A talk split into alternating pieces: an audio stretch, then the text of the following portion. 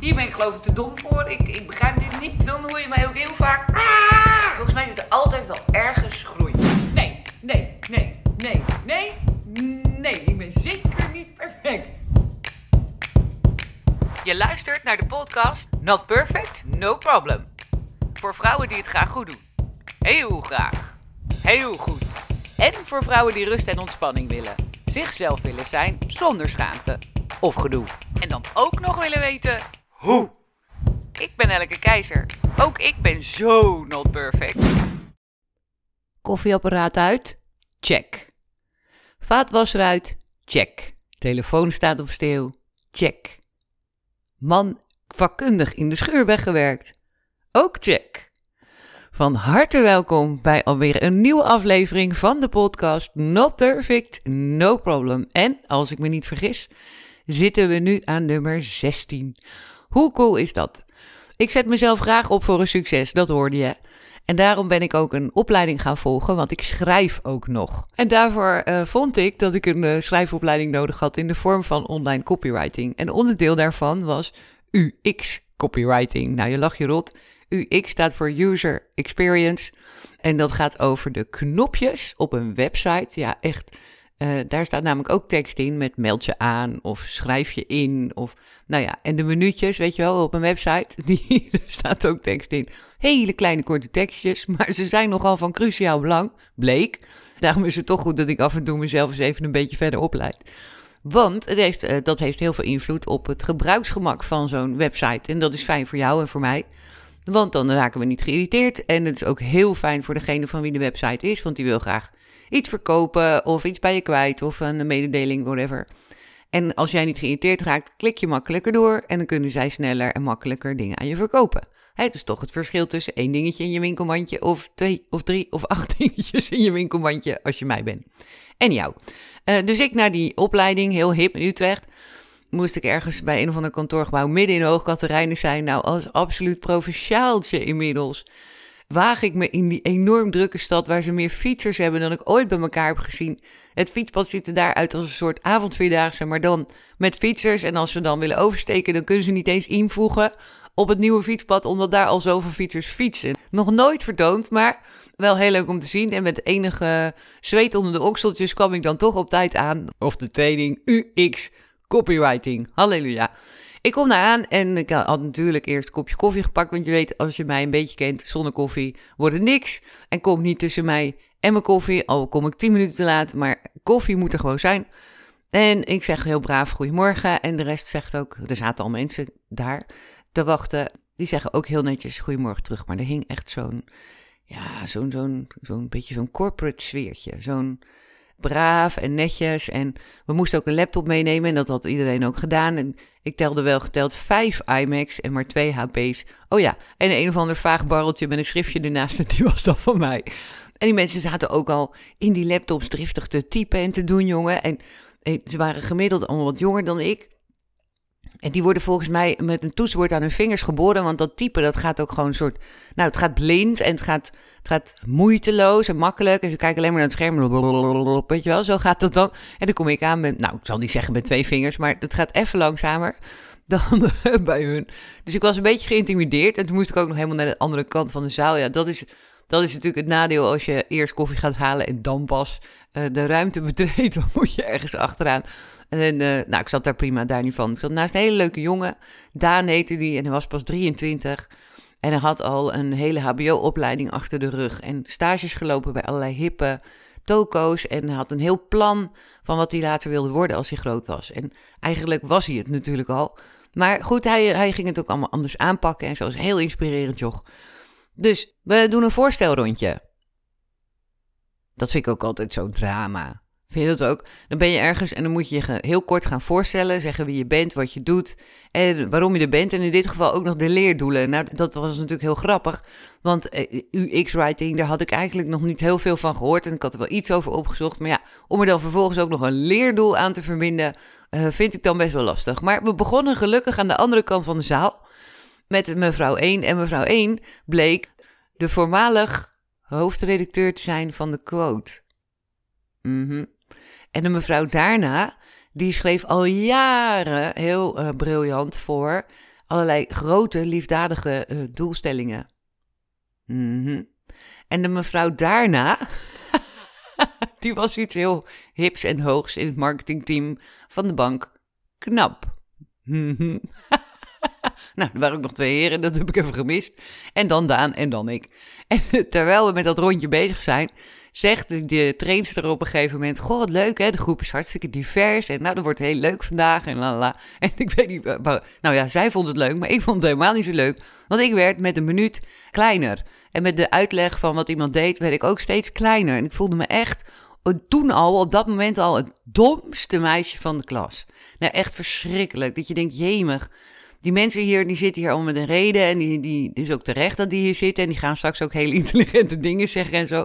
En ik zit hier gewoon een beetje, ja, onervaren en behulpeloos. En, en met mijn verkrekte laptopje en mijn, mijn schrijverschriftje notabene.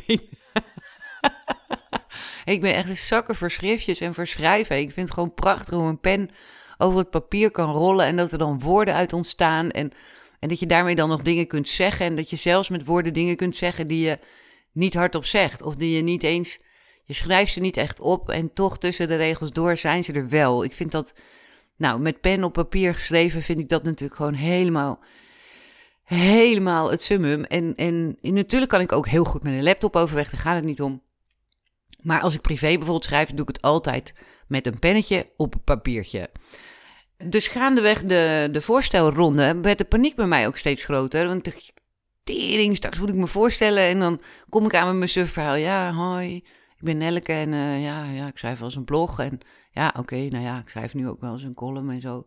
Maar ja, ook maar om de week. En ja, ik weet eigenlijk ook niet wat UX-writing is. En een leerdoel heb ik niet. Nou ja, misschien dat ik hier een half tandje slimmer wegga dan dat ik er kwam. Dat zou al feest zijn. Zo zag ik het voor me. En, en het contrast met die andere mensen was echt gigantisch. Dus uh, ja, nou, gelukkig was dit niet voor het eerst dat ik me het domste meisje van de klas voelde. Nee, dat is me in het leven al vaker gebeurd. Ik kan me nog heel goed herinneren dat op de middelbare school deed ik hele heftige vakken zoals wiskunde B en natuur scheikunde en zo. Nou, natuurkunde ging dan nog wel, want dat kun je heel erg relateren aan het dagelijks leven, hè. Ik bedoel, als water gaat koken, daar heb je dan nog een beetje beeld bij. En uh, nou, oké, dan geloven we meteen dat het 100 graden is. Trouwens, dat is ook een beetje scheikunde, maar dat doet er verder niet toe. Maar schei, scheikunde en wiskunde B, jongen, jemig. Dan, dan, nou, ze hadden dit goed Chinees kunnen praten of mij proberen uh, Russisch aan te leren of zo. Want ik begreep er gewoon helemaal niks van. En de rest wel. En dat voelde ook al zo ongemakkelijk. En helemaal bij het uitdelen van de cijfers.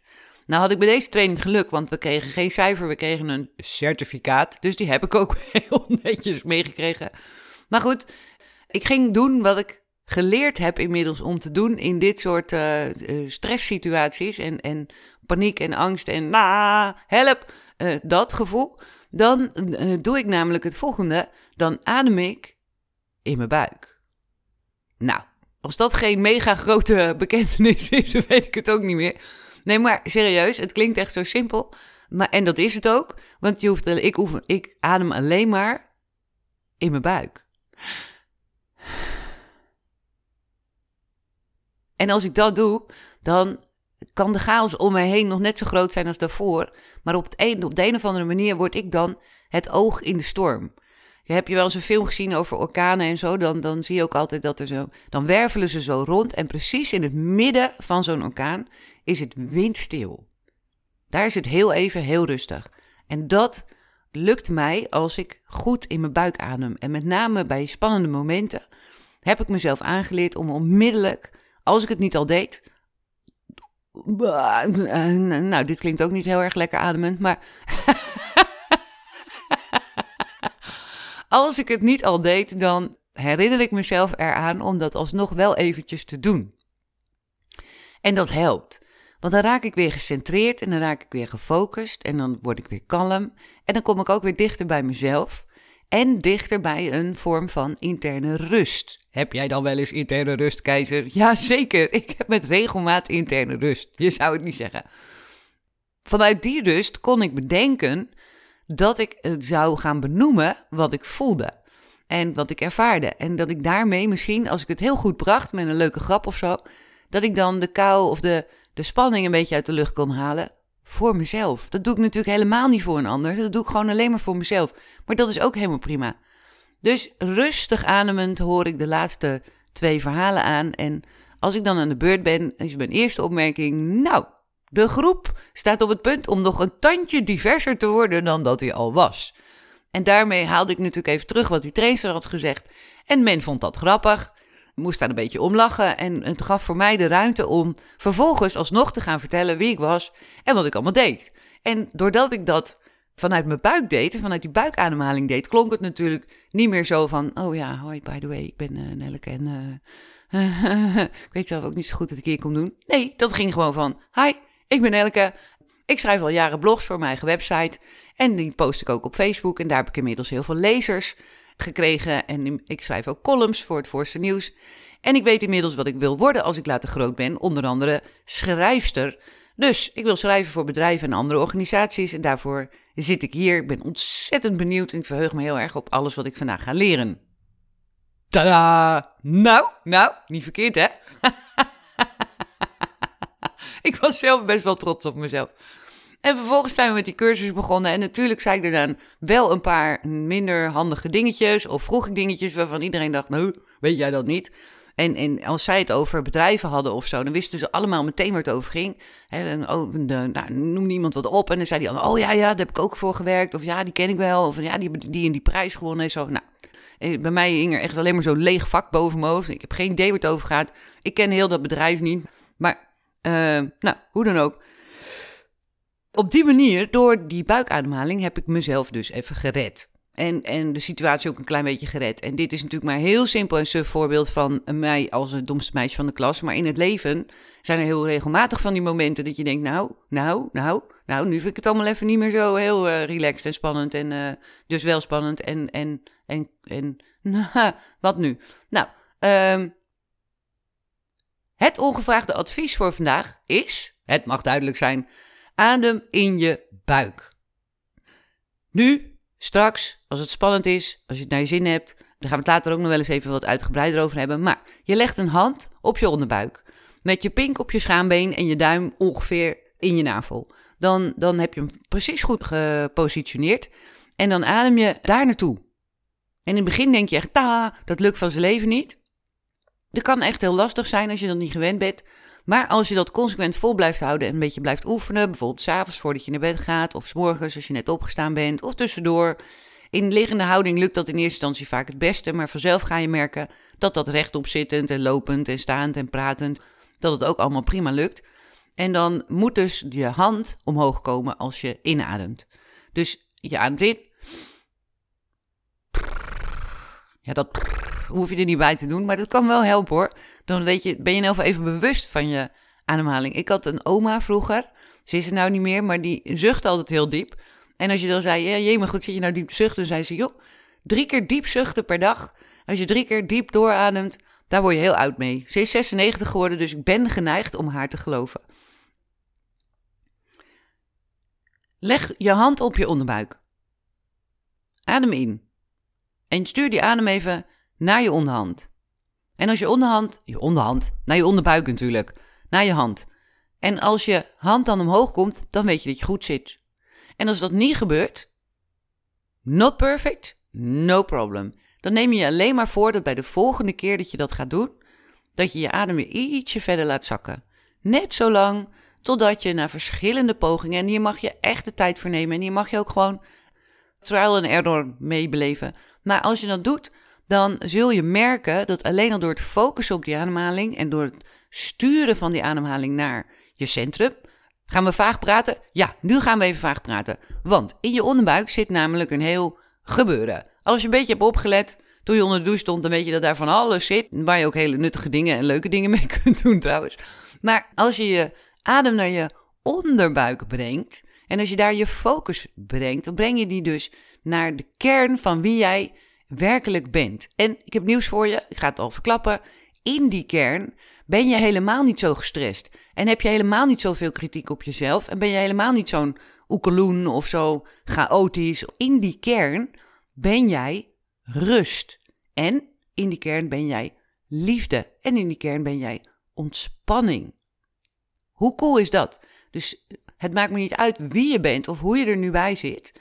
Neem van mij aan dat als je rust en ontspanning zoekt, de eerste en de makkelijkste uiteindelijke stap die je altijd met je mee kunt nemen. Of je nou staat te strijken, of je nou je Netflix-serie zit te kijken, of je nou een gesprek hebt met je, met je werkgever wat je spannend vindt, of met een collega waar je een conflict mee hebt, of met je man, of met je kinderen, gedoe met je kinderen. Ook zo'n zo'n zo'n ding waar je helemaal jezelf in kunt verliezen en kwijt kunt raken. En soms ga je zelfs schreeuwen en ah, waarom neem je die spullen van de trap nou niet mee naar boven? En, uh, adem in je buik. En je wordt heel kalm en heel rustig. En dan verandert het probleem niet. En dan verandert de situatie niet. Maar jij wel. En dan kun je er daarna veel makkelijker en veel relaxter en ontspannender en wie weet, doe gek, zelfs met een grap mee omgaan. Ik heb in elk geval een hele fijne trainingsdag gehad. Ik weet nu precies wat UX copywriting is. Ik denk zelfs dat ik het zou kunnen. Maar dat gaan we dan uh, rustig eens eventjes uitproberen. En ik weet één ding, als het me niet lukt, of als ik er niet meteen uitkom, of als ik zin heb om mijn laptop de tuin in te smijten, dan adem ik in mijn buik. Ga dat deze week eens even oefenen en geef me daar ook feedback op. Overigens, als je de aflevering van verleden week hebt geluisterd, dan weet je nu dat ik achter mijn vaste PC deze podcast zit op te nemen omdat mijn laptop het begaf, enzovoort, enzovoort, enzovoort. Nou, heel drama toestand. En toen riep ik heel blij, maar mijn e-mail, nelleke at notperfectnoproblem.nl, die doet het nog wel. Dat moet ik even herstellen, want gebleken is afgelopen week dat die, dat e-mailadres het dus niet meer doet. Tijdelijk. Er zijn allerlei mensen druk bezig om dat op te lossen. Die moet ook even heel nodig ademen in hun buik. En die moest van de week daar ook even heel erg over in mijn buik ademen. Maar het e-mailadres nelleke.notperfectnoproblem.nl doet het op dit moment niet. Wil je mij nou toch mailen of toch bereiken? Neem dan even contact met me op via social media. Ik sta op Instagram onder mijn eigen naam, Nelleke Keizer. Ik sta op Facebook onder mijn eigen naam, Nelleke Keizer. Word even vriendjes, doe iets leuks, vertel iets liefs. En maak gebruik van de gelegenheid om via die kanalen mij een berichtje te sturen. En dan eh, krijg je zeker weten antwoord. En zodra dat e-mailadres het weer doet, dan laat ik je dat natuurlijk weten. Want in de tussentijd, not perfect is nog steeds no problem. Tot volgende week.